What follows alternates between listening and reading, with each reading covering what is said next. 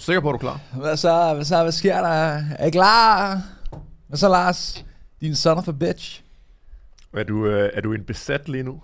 Jeg er sgu da ikke besat, mand. Jeg er possessed med tanken om nogle kuldshaker. Så er du klar, eller hvad? Jeg er ret klar.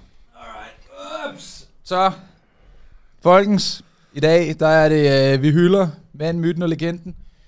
Shakernes konge. Det er et nyt design. Det var et andet design, dengang Jeg han tænker stod også, i jeg, jeg kunne ikke lige øh, genkende den, men øh, ja. Så jeg synes, vi skal, skal vi ikke bare sige sådan noget, sådan bø, altså man kan dreje det af, for helvede, kender du ikke en cool shake, eller hvad? Så skal der bare lige sådan der, bum, hold kæft. Så jeg fandme styr på det. Skal vi sige uh, bund eller bøs, eller hvad? Skål. Skål. Det er klasse radio, det her, når man lige sidder og drikker cool shakers. Ja, hvad så, folkens? Godt at se jer.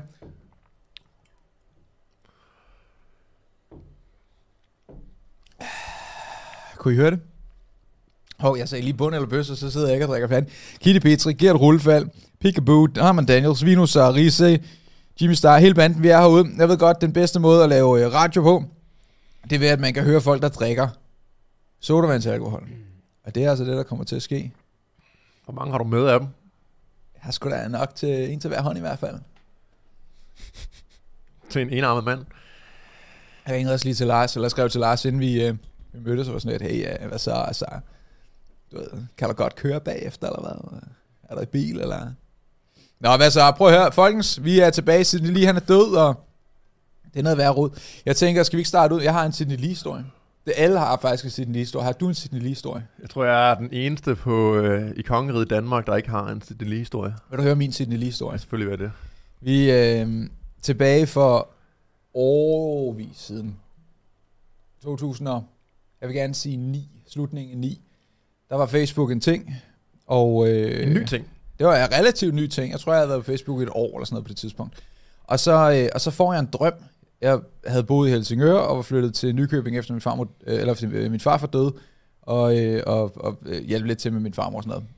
Og så, øh, så sov jeg nede i Nykøbing, og så fik jeg en drøm, sådan en vision, øh, hvor at, at jeg drømte, at jeg skulle lave en Facebook-fanside om Sidney Lee, for at tjene penge på den. Og øh, det lyder fuldstændig absurd, og det er en, mærkelig ting at drømme og sådan noget med at lavet noget online markedsføring før det. Og, øh, og, så, og så vågnede jeg op morgen efter sådan lidt, fuck det, jeg cyklede sgu over på Biblo, for min far havde ikke noget internet. Jeg cyklede over på Biblo med min kæmpe store øh, laptop-computer. Og så satte jeg mig ned, og så lavede jeg en, øh, en Facebook-side, der hed Haha, se hvordan Sidney det lige ud som 14-årig. Og øh, så dengang var der noget, der hed Facebook Markup Language, ligesom HTML, så nørderne sidder derude, så var der sådan, Facebook havde der så en lille mini-HTML-agtig øh, side. Så kunne man lave en, en, side inde i Facebook-siden, så man kunne lave en lille mini-hjemmeside. Og den mini-hjemmeside fik jeg så kodet sådan, så at hvis man likede siden, så poppede der noget frem. Der kunne der for eksempel poppe et billede frem Mm-hmm. af Sidney Lee som 15-årig. Så, øh, så jeg lavede den der side, haha, se hvordan Sidney Lee så ud som 15-årig. Eller 14-årig var det vist nok i virkeligheden. Se hvordan Sidney Lee så ud som 14-årig. Og, så, øh, og så, så for at man kunne se billedet, så er det like siden, og klik på linket her. Og det var et eller andet fucking, du ved, du får en krone hver gang nogen klikker på det her link, reklame, kampagne. Og, øh, og den side eksploderede. Og da jeg kom tilbage, øh, jeg sad øh, iPhone 3G, eller hvad fanden var det, en gammel mobiltelefon, så sad jeg og kiggede på den, da jeg kom tilbage, øh, og så havde jeg tjent 14.000 kroner. What? Men ikke åndssvagt. Øh, 14.000 kroner.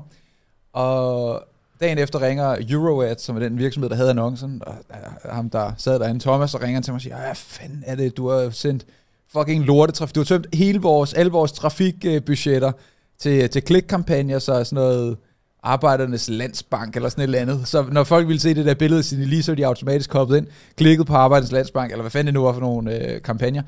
Og så, øh, og det var lortetrafik. Altså, øh, Fordi at, der, der kommer ikke noget salg ud af det, eller noget som helst. ikke en skid overhovedet. Men øhm, så, øh, så han, han sagde, nu nulstiller jeg den, og så lægger jeg pengene tilbage, og så kan du køre det ud med surveys i stedet. Det vil sige, at folk skal tilmelde sig øh, sådan nogle forskellige undersøgelser, brugerundersøgelser. Det gjorde jeg. Samme dag, der, så, så da jeg, efter at jeg snakkede med ham, så havde jeg tjent 0 kroner dagen før. Det var jeg ret irriteret over. Men da jeg øh, gik i seng om aftenen, der tjent 14.000 igen. Og den der fa- Facebook-side med sit lige var oppe på sådan noget, altså nogen af 50.000 likes. Det var dengang, man blev fan. Der var nogen af 50.000 fans.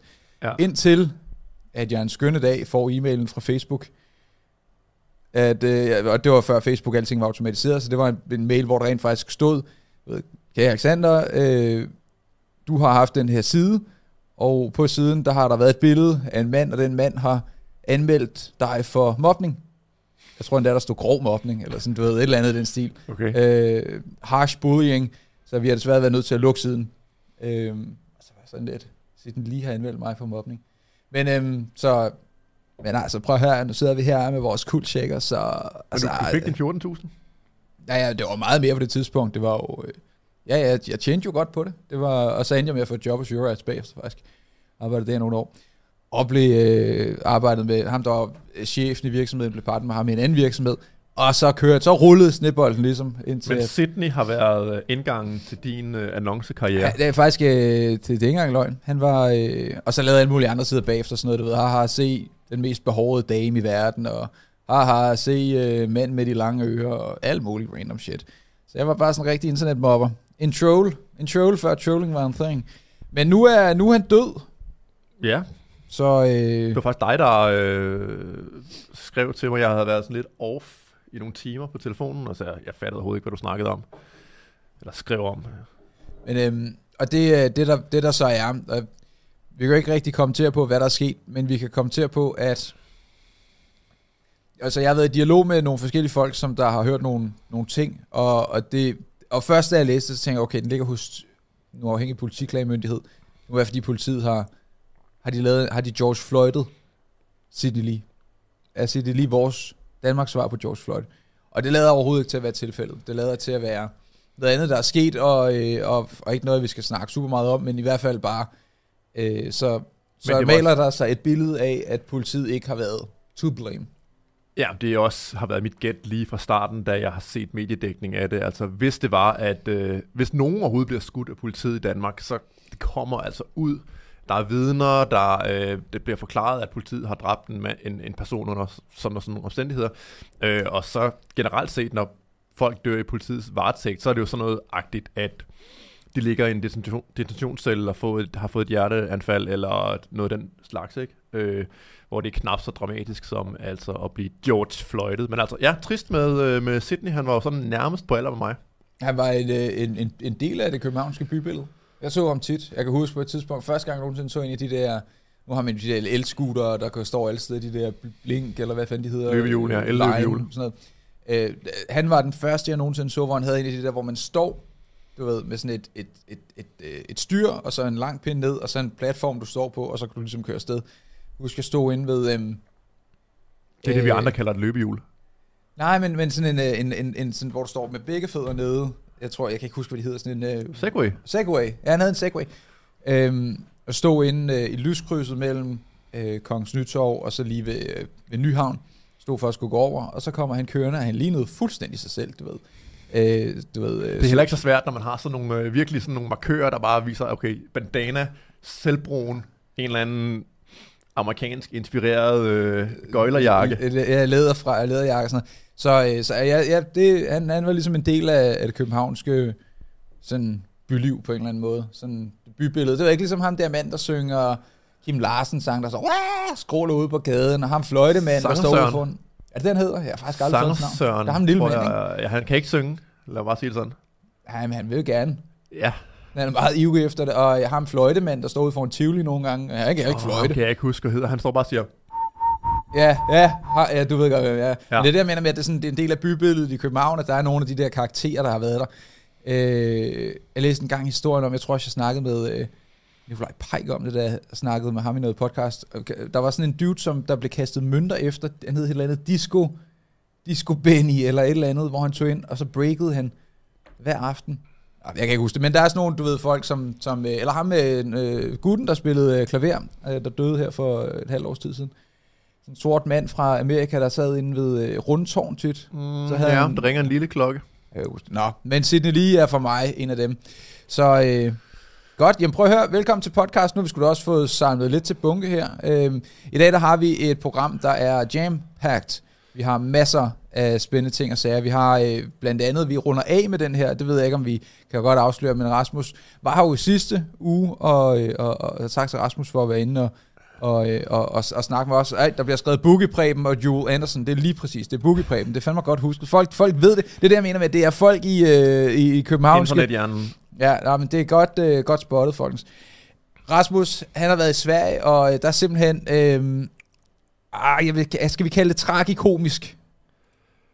Det er i hvert fald, øh, ret der er en del komik i det. Jeg ved ikke, hvordan det endte for øh, hovedpersonen, men Ej, så jeg, tror jeg, jeg, jeg sad hørt om, og- hvis det var gået helt galt. Jeg ved ikke, om jeg sad og grinede, da jeg så det, men jeg sad sådan, what the fuck? Altså, er det her noget, der sådan er aftalt og optaget?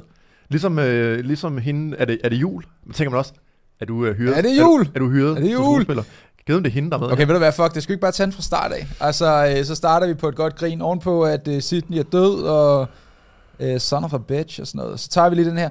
Det her, ja, det, det, det er fucking weird. Altså, lad os bare være helt ærlige, det er fucking weird. Rasmus, han er i, fuck, om det var Linkshøbing, eller hvor fanden det var henne. Og så er der en dame, som ser ham brænde øh, den hellige bog over på den anden side af noget vand. Og så tænker hun, koste hvad det koste vil. Så tænker hun, Der skal jeg over. amfibieangreb. Der skal Det jeg, er det bedste. der skal jeg fucking over. Men problemet er, at, øh, at man kunne ikke bare gå derover. Pludselig så hun væk. Og så er der altså en masse øh, dudes, der må hoppe i for at redde hende. Men nu skal vi ikke beskrive det meget mere. Lad os, øh, lad os prøve at se det. Og så, øh, det, den er jo gået viralt på TikTok. Da jeg, jeg så den her, jeg tror det må have været i går, hvor jeg lige var inde og se, hvor mange. Det var altså 9 millioner, der havde set den på TikTok. Vildt. Ja, så, øh, så lad os prøve at se øh, Danish politician øh, i Sweden. Godt, der har vi Rasmus over på den anden side af vandet, og hende der, hun er simpelthen... Så forsvandt hun. Så hopper de lige efter hende. Det er... Det er så vildt, der. Det er meget... Øh, altså, det er jo voldsomme scener. Vi ser det lige igen. Jeg skal se det. Vi ser det igen. Og her, bum, så går der en, en dame ud. Så Bum, blev, blev der rigtig så, så, så, pludselig. så var der meget dybt.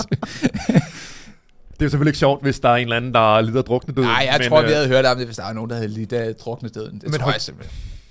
Jeg synes igen, at øh, man kan gøre modstand øh, mod, sådan nogen på, mod sådan noget her på mange måder, og det her det er nok noget af det dummeste. Prøv at drukne sig selv i øh, Allans navn. Ja, det var en lille smule, det var en lille smule wack. Hey, hvad så? Harmi med de 17 kroner, tak for de 17 kroner. Folk i chatten her skriver, øh, lol og grine så har hun tænkt, jeg afslutter mig selv. Og skriver, øh, øh, at hun blev, blev, ja, hun blev våd, men hvad hedder det? Øh, sådan er det. Godt, nå, men programmet i dag står på. Vi skal blandt andet tage valgtesten i forhold til det europæiske samarbejde om sikkerhed og forsvar. Skal man stemme ja, eller skal man stemme nej? Og, øh, og, øh, og det skal man jo selv vurdere, men jeg kan da også godt give dig svaret og så sige, sige, hvad der kunne være en smart idé. Men det skal vi finde ud af, hvad Lars Krav Andersen, er narkokapitalist, tidligere politibetjent, licens Lars, hash Lars, kriminel Lars, hvad, hvad, hvad, hvad, hvad mener de er, at Lars burde stemme i den øh, sag der? Så er der Claus øh, Hjort Frederiksen, en, øh, en, en, Et politisk, øh, et dansk politisk KFA, der har været med i, øh, i spillet rigtig, rigtig lang tid, og han er så kommet i ufør nu, som, øh, som landsforræder.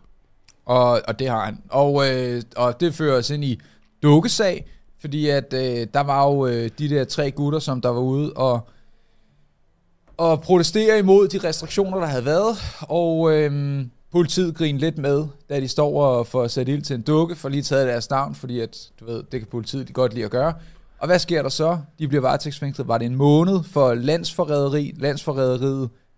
Nej, for... Hvad fanden var det for... øh, trusler, for jeg kan ikke huske jeg kan ikke huske, der var nogle seriøse, seriøse øh, Ja, sigtelser. øh, sigtelser, og, øh, og nu, øh, nu er den sag kørende, men vi ved stadigvæk ikke, hvem det er, der har lavet anmeldelsen. Nej, det er lidt underligt, fordi du Super selv underligt. en historie om, at du havde været i retten på et tidspunkt. Og øh, der var i hvert fald ikke noget hemmelighedskrammeri med, øh, hvem anmelderen var. Jamen, skal vi starte med en prøve? Okay, så jeg for, for nogle år siden, så øh, jeg boede ude øh, på Amager i København, på noget, der hedder Englandsvej, og der var øh, en af mine kammerater havde fødselsdag, men han havde ikke lige nogen at hænge ud og holde fødselsdag med, så han kom over til, i min lejlighed, og så sad vi og drak nogle øh, son of, sons, sons of bitches, og, øh, og der øh, besluttede vi os for, at nu tog vi fandme ind på, øh, åh, hvad hedder den, den der, der solgte øh, kineser med gamle dage, hvor man kan lave karaoke. Sam's Bar. Sam's Bar, ja. Det sælger måske stadig øh, kineser med. Det kan jeg sgu ikke huske. Men så, vi tager sgu ind på Sam's Bar, og så, øh, så flækker vi lige nogle øh, blue-numre. You Make Me Wanna, One Love og Guilty. Klassisk, ikke? Og øhm, så vi går ned fra, fra, der fra Englandsvej ned til DR-byen metrostation. Og på vejen, der kan vi se over på den anden side af, af gaden, modsat af, hvor vi går, der går der tre gutter, og de er bare vi skal fandme bare ud og fuck, øh, der skal bare fuckes noget op, du ved. Det er øh, 50-50, coke og amfetamin. Ja, og det var sådan nogle, de, var, og bukserne nede i sokkerne, det var også den tid, hvor det var smart at have bukserne nede i Var de sokkerne. på cykel? Øh, nej, nej, de var, de var bare, det var i visotiden, ikke? I visubukser. Så var faktisk et par i visubukser, det er sjovt nok. Men øh, det var i visotiden, så vi går en modsat side af, og de går og sparker og slår til skilte og råber og skriger ting, og man kan godt se, at de har nogle hvide busmænd, der, øh, der, der, der sidder og presser på. Kommer op på metrostationen, og mig og min kammerat Nikolaj, vi står nede i, øh, i den ene ende, og så står de op i den anden ende, og de står jo bare og svinger med armene som nogle små øh, gorilladrenge. Øh, og det var ikke en racistisk ting, det var nogle helt hvide øh, gutter, der så ud som om, de måske kom fra Ringsted, eller sådan et eller andet. Og de, øh, de står og svinger med armene, og, øh, øh, øh du ved. og så på et tidspunkt, så kommer metroen hen, og de er på vej ind, og der er så en anden dude, der står ved siden af dem sammen med sin kammerat, og han har briller på, og så, så råber han, hey, der er der med briller, du ved, bam, og så slår han ham i hovedet. Og så var det sådan lidt, nå, det var ikke særlig godt, og han ligger nede på jorden, og jeg ringer til politiet, fordi at, det var ikke op til, og det er mig og Nikolaj, vi er rimelig tips, og jeg skal ikke op og slås med tre cokeheads. Det er stensikkert, og slet ikke, når jeg er 21, og øh, så hvad det hedder, hej, jeg hedder Alexander. Du ved, det var en anden tid, og, øh, og så jeg ringer til politiet, og, øh, og det gør jeg, mens metroen kommer ind, og ham gutten med brillerne går ind, for ligesom kravlet, kravlet. Han går ind i metroen sammen med sin kammerat, og de der gutter der, der står ude foran, de er sådan lidt, ah, lad os øh, gå med ind, wow, og spille smart igen. Og ham gutten får så stillet sig op af øh, en af de der sådan, ruder, der er inde i metroen, øh, hvor der plejer at hænge noget information på og sådan noget. Og så tager øh, ham, øh, det- smart infartypen, der havde, han havde også hætte på, der var skruet helt sammen. Det var som om, han var bare ude i regnvejr. Og så slår han ud øh, lige ved siden af hovedet på ham gutten med briller. Så han ender med at smadre det der glas inde i metroen, hvor jeg var sådan lidt, det, altså, han er jo, altså, øh, det er jo en umenneskelig styrke, han har, ham her. Men metroen stopper så, den vil jo ikke køre videre, og, øh, og det ender med, at, at de løber afsted, fordi politiet kommer, kort og langt er halvandet år efter, når de har efterforsket den der sag, fordi de der efterforskninger, de kan åbenbart tage rigtig lang tid.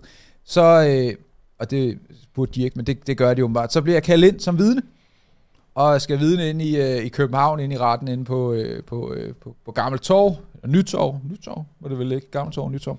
Det er den, hvor ved siden af, hvor øh, Søren Kierkegaard Med voksede op. lov skal land bygges og alt det der. Ja.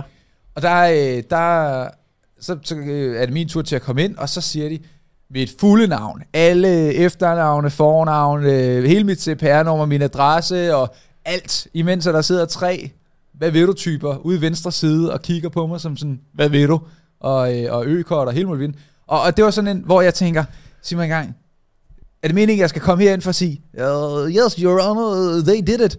Og så, men nu ved de jo, hvem jeg er. Altså, og så er det så jo også, der er gået halvandet år, så i min optik var det bare sådan lidt, ja, det var tre gutter med bukserne ned i sokkerne, der havde en hvad ved du attitude, og den ene anden havde sin, øh, sin hætte hele vejen op, så det ud som om, han skulle regne med. Så jeg sagde, I don't fucking know, du ved, jeg ved ikke, om det er dem, det ligner dem. Jeg, jeg ved det jo ikke, der var gået halvandet år. Og så da jeg gik ud derfra, der kiggede de der gutter, sådan en han kiggede på mig sådan, sådan, som om sådan, du ved, fedt nok, at du lige, han, han gav mig sådan en nik, sådan, du ved, Fedt nok, at du fedt lige nok, har lige havde min, mod os. at du lige havde min ryg. Nej, fordi jeg kunne ikke sige, ja, ja, ja, 100 p, mand, det er sgu da de der, det, det er Per og Lars og, Ah, okay, og Børge, Børge derovre. Så, nå, men kort og lang er, det var en hel proces, øhm, at, at komme derind. Hvorfor var det, vi kom ind på det? Det var, Det er øh, fordi, at øh, vi vil øh, lave sådan en modsætning imellem, hvor nemt det er at kende anmelderen, hvis man har øh, ligesom statsministeriet og øh, statens sikkerhed i ryggen, eller hvis man har øh, Alexander Valør i ryggen. Ja. Der er forskel på folk.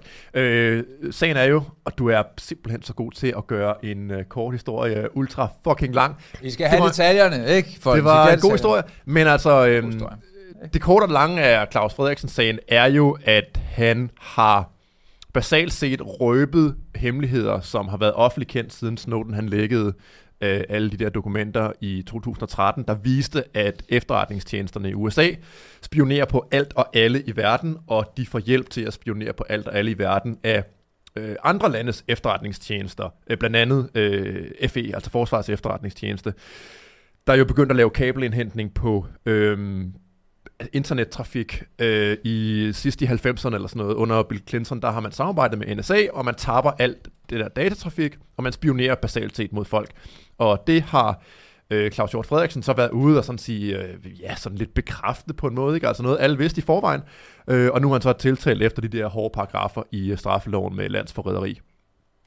Og øhm, det, vi vil binde sammen til en stor pakke, Ja, kom så, hvad er den store pakke? Det Give er- big package, det Lars er jo, at øh, den Claus Hjort Frederiksen-sag og den her dukkesag lidt øh, viser noget om, hvor øh, den offentlige forvaltning er på vej hen i Danmark, at den er blevet ved at blive ultra politiseret, sandsynligvis, fordi øh, normalt sådan øh, dansk, øh, kan man sige, regeringsskik øh, er, at man øh, som, som regering og som folketing og sådan noget, der laver man lovene, og så øh, håndhæver myndighederne lovene sådan uden politisk indblanding. Altså det er ikke sådan, at det er Mette Frederiksen, der øh, griber knoglen. Eller Det bør ikke være sådan, at øh, den politiske leder griber knoglen til politiet eller til en eller anden myndighed og siger, nu vil jeg have det sådan og sådan, kan I få det til at ske øh, nu? Det er sådan, at der er sådan nogle lidt, lidt vandtætte skotter imellem, hvor man siger, okay, så håndhæver vi bare lovene, og vi er sådan juridisk øh, objektive på en eller anden måde. Øh, vi har givet os lovgrundlaget, og så er det det, vi retter os efter. Vi tager ikke sådan diktat fra politisk side. Men det virker som om, at øh, i de her sager, både i Dukkesagen og i Claus Hjort Frederiksen-sagen, at der netop sker det her med, at øh, den, øh, de øverste politiske personer i Danmark har en finger med i spillet, øh, når det handler om myndighedsudøvelse. Altså, man må ikke må få at vide, hvem øh, anmelderen er til den her dukkesag, fordi det er garanteret PT eller statsministeriet eller, eller nogen i den retning, der har sat deres tommelfinger på vægtskålen og sagt, det der måske før bare var en sådan hændelse, haha, vi har øh, fået nogle navne, og det kan måske blive sådan en lille trusselsag, det har man så fået lavet om til, at det bliver sådan en, en trussel mod statens sikkerhed, og de her mennesker blev øh, varetægtsfængslet i ganske lang tid. Jeg kan lige tilføje her, statsministeriet oplyser i afgørelsen, at dokumenter og titler på oversigten og hemmelige, øh, hemmelige holdes af hensyn til enkeltpersoners private forhold og af hensyn til statens sikkerhed. Ja. Statens sikkerhed, Lars. Sikkerhed. Det er jo bare sådan en, en elastik i metermål, det kan man jo sige om alt. Øh,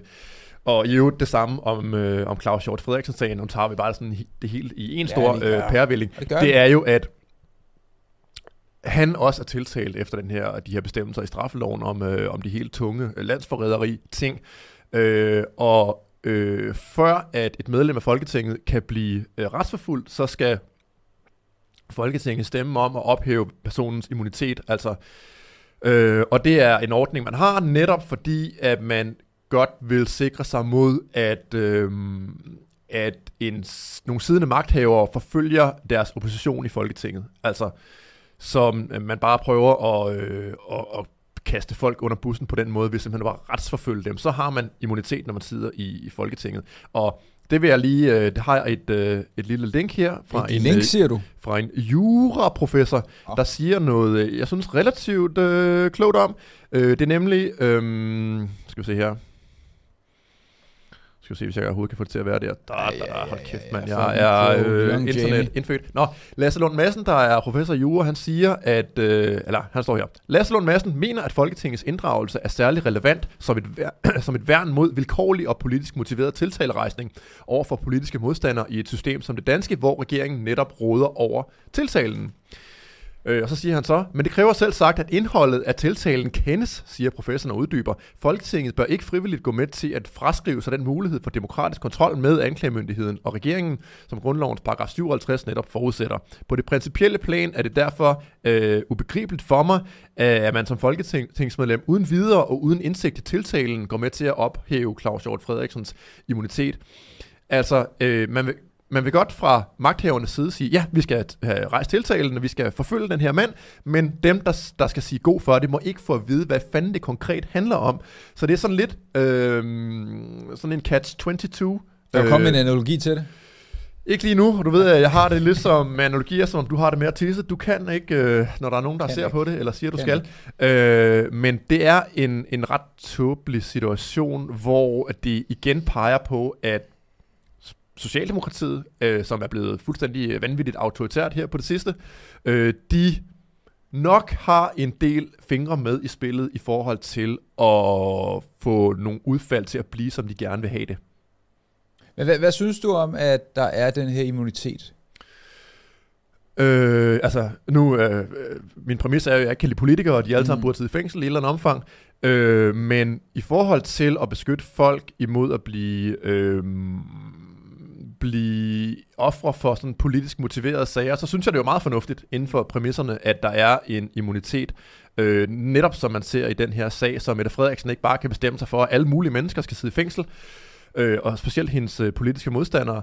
Øhm, og så sympatiserer jeg der faktisk også med Claus Hjort Frederiksen i det omfang, at han jo bare sådan set har siddet og indrømmet i Lippert og altså i, i nogle programmer, at, øh, at ja, øh, NSA, den her fuldstændig vanvittigt forfærdelige, hæslige amerikanske efterretningstjeneste, de har øh, spioneret mod folk, og det var noget, som den danske stat samarbejdede med dem om, og det har jo sådan set været kendt siden 2013, hvor Snowden, han heldigvis, som den store, store held han er, han øh, frigav de her informationer. Øh, så det er jo basalt set bare det, han har sagt. Han har jo ikke sagt, at øh, når man, øh, agenterne i Iran, vi har der, øh, eller i Syrien, de hedder sådan og sådan, og gør sådan og sådan. Det er meget, meget ukonkrete ting, han har oplyst om, og det er ting, som alle har vidst var sådan. Men, men det er jo så... Øh, vi ved jo ikke, om det er der, den slutter. Om det er det eneste, han har sagt. Nu, nu vil jeg sige til Nej, det ved vi jo ikke, fordi at det er, det, han har sagt. Lige præcis, så det kan jo godt være, at han har sagt noget mere, eller han har været ude og fået noget information til nogle andre folk. Som, jeg tvivler stærkt på det. Men det er jo det, vi ikke ved.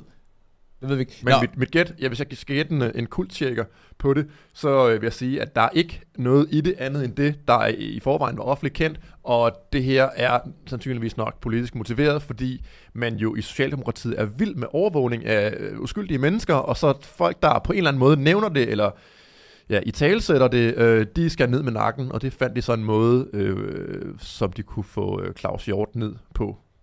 Men hvad, hvorfor, øh, som, så som jeg ser det, så hvis man altid bare kan ophæve den politiske immunitet, hvorfor er den der så overhovedet? Fordi hvis de alligevel kan ophæve den, og lad os nu sige, at mod al forventning, så kommer Mette Frederiksen til at blive dømt for nogle ting, som hun har gjort under restriktionsperioden, som der har været ulovlige. Hvorfor, hvad er pointen med immunitet, hvis man alligevel... Det er ligesom at gå ud og så sige, nu freder vi Amager fældet, eller... Øh, men, men hov, vi skulle bygge en metro, og nu har vi brug for, at der bliver bygget nogle huse, så vi ufreder den igen. Det er jo sådan, hvad er pointen med en immunitet, hvis man bare kan tage den fra dem igen? Jamen, der skal jo være et flertal for at ophæve den, så øh, det kan jo godt være, at der ikke er flertal, fordi Folketinget ikke udelukkende består af, af medlemmer, der er enige med en, så man kan sige, at det er sådan en eller anden form for øh, værn imod, at det her sker. Det er selvfølgelig ikke nogen endelig garanti øh, og alle de der ting. Altså hvis, lad os sige, at Socialdemokratiet havde øh, 90 mandater, så er det jo lige meget, men ellers så kunne de jo stemme hvad som helst igennem, og øh, de kunne ikke ændre grundloven. Så skulle de have lidt flere mandater øh, øh, og sådan noget, men der er ingen garantier her i verden, så det er bare sådan en måde, man har prøvet at designe systemet på, sådan at de siddende magthavere ikke kan forfølge deres politiske modstandere. Vi har fået en masse superchats, og det synes jeg er skønt, så nu tager vi lige her fra... Øh, det kan jeg sgu ikke huske, om vi har læst den op endnu, eller om jeg har læst den op i mit hoved. Mm, Hami sender 17 kroner og skriver altid en god dag, når ytringspligt går live. Tak for de 17 kroner, og tak for din besked. Simon George sender 17 kroner og skriver, har fået en kontrolafgift, men støtter jeg stadig. Det er fandme i orden. Hvis du har øh, kontrolafgift, er det øh, p-bøde, eller er det, hvis man kører for stærkt? Det må være. Nej, det er en p-bøde. Ja. Du, jeg håber ikke, du er den, der øh, hele tiden oplyser mit CPR-nummer til dem, der... Er det, et problem med p-bøderne? Nej, ikke med p-bøderne. Det er, jeg får nogle gange øh, nogle kontrolafgifter i min øh, e-boks, øh, fordi at folk har og det er sikkert en person, vil jeg tro, for det er samme strækning, der køres på, øh, oplyser mine generalier, altså mit navn og mit CPR-nummer til de her øh, kontrollører. Ja. Men altså, jeg betaler ikke, så det er jo sådan set ligegyldigt for mig. Ja, men øh, det er heller ikke, det, men det er også meget svært at finde dit CPR-nummer jo. Så, øh, så, det er ultra, ultra, ultra besværligt, ja. Ultra svært. Seb Gay Gay sender 17 kroner og skriver, hey mystiske Seb, vi ses til U Olympics. 17 i 5. Jamen, det er fantastisk. Tak for de 17 kroner. Gas from Lea sender 20 kroner og skriver, damen skulle overveje nogle svømmefødder plus snorkel. Det må være til vores øh, TikTok. TikTok-video. Måske noget, noget svømmeundervisning vil være godt. Måske noget svømmeundervisning. Godt, men nu må vi se, hvad der kommer til at ske med, øh, med, med, med Claus øh, Hjort Frederiksen. I forhold til det her med, øh, med dukkesagen, jeg synes bare, det har været fucking uprofessionelt hele vejen igennem. Jeg synes, det er helt sindssygt, at den stadigvæk kører, og det, de burde sgu da bare for... Det, Okay, så vi, vi, øh, vi, vi snakkede lidt om, at vi kunne drage en parallel mellem det her og så nogle andre ting. Så hvis vi har sådan noget som for eksempel dukkeafbrændingen, øh, det er imod staten, og så er det lige pludselig, så bliver staten helt vildt sådan forsvarsposition, man kunne nærmest sige måske offensiv, og, og, og burer folk ind og, og slår folks døre ned og anholder dem tidligere om morgenen og øh, sådan noget. Men hvad nu, hvis det var, øh, i, øh, hvis det var krise, det handlede om? Hvis det var krise, hvad hvis det var uh, big uh, corporates uh, og, og den slags? Klimaet. Ja, lige præcis. Klimaet. Så, uh, så lad os prøve at se, hvordan politiet håndterer det. Der er en uh, side på Facebook, der hedder Kaos TV, som er derinde og hvor et Animal Rebellion har været ude, og jeg synes, vi skal, altså det er jo, jeg tror, det er en 4-5 minutters video, jeg kan se hele videoen, men jeg synes, vi kan se et godt stykke ind i det, fordi at det her, det, det viser lidt, at det er lidt, lad os bare sige det sådan her på forhånd, så vil jeg sige, det, det er voksenpædagoger, politiet er voksenpædagoger, og der er en masse voksenbabyer, Rebellion, Animal Rebellion, hvad det hedder, øh, som, øh, som simpelthen lægger sig som døde fisk midt på gaden, og, øh, og, øh, og de er meget behagelige over for dem, og jeg kan ikke se, at der skulle ske så forfærdeligt meget. Men så lad os prøve at se noget af den her, så bare for at sætte det i perspektiv, hvordan det var med øh, det andet, og så hvordan det er nu. Så bliver de lagt blødt op i en bunke der.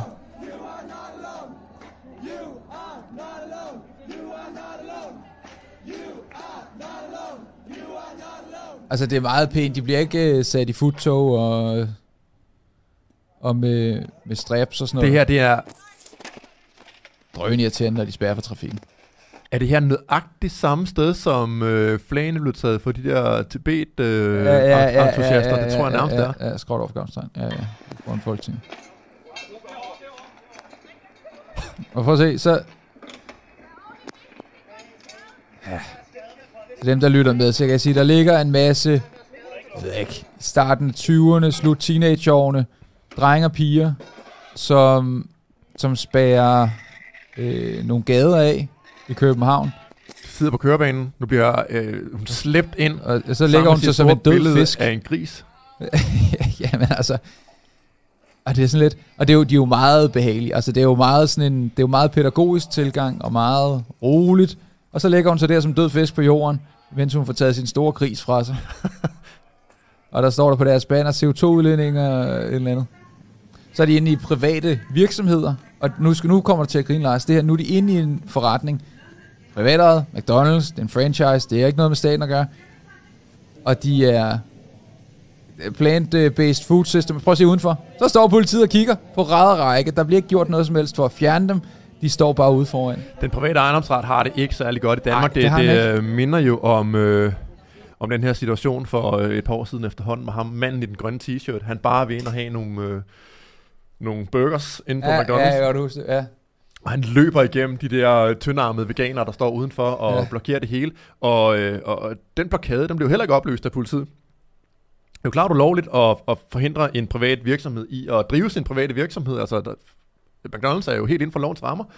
Øh, men det er som om, at politiet i nogle tilfælde bare har en meget, meget stor ulyst til at gribe ind over for øh, klare ulovligheder. Øh, og McDonald's har vel også en eller anden form for øh, ulyst, vil jeg tro, fordi de vil heller ikke være dem, øh, der er kædet sammen med, at folk bare får en ordentlig gang knibbelsuppe inde i deres øh, såkaldte restaurant. Men man kunne da godt, altså når politiet står derude foran, hvor mange patienter har der stået der, der har stået hvad? Fucking 15 eller sådan et eller andet. Der stod pænt mange mennesker. Ja, ja. De kunne da godt gå ind og så sige, Nå, the young ones, the party's over. 3, 2, 1, nu er du ude. Tre, ja, 3 2 nu. er du- Men det er ikke det, de gør. Jeg skal prøve at se en lille smule videre, fordi jeg ved godt, at det er... Du ved, men jeg synes, det er lidt, det er lidt interessant, hvordan at håndteringen af det her bliver, bliver, bliver gjort. Og graffiti på, øh, på, øh, på, på vinduerne og, og det hele. Og så bliver de båret ud stille og roligt og lagt pænt i bunker.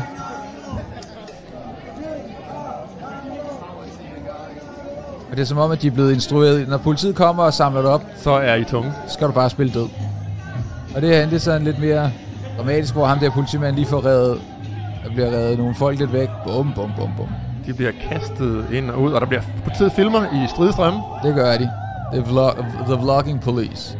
Og jeg vil øh, så, øh, hvis øh, det konservative Folkeparti og lignende øh, utilpassede elementer får deres vilje, så at den her video, vi sidder og ser nu på et socialt medie, den vil jo blive ulovlig, fordi vi kan genkende de enkelte betjente, der, mm. sidder, øh, der, der laver øh, de her ting.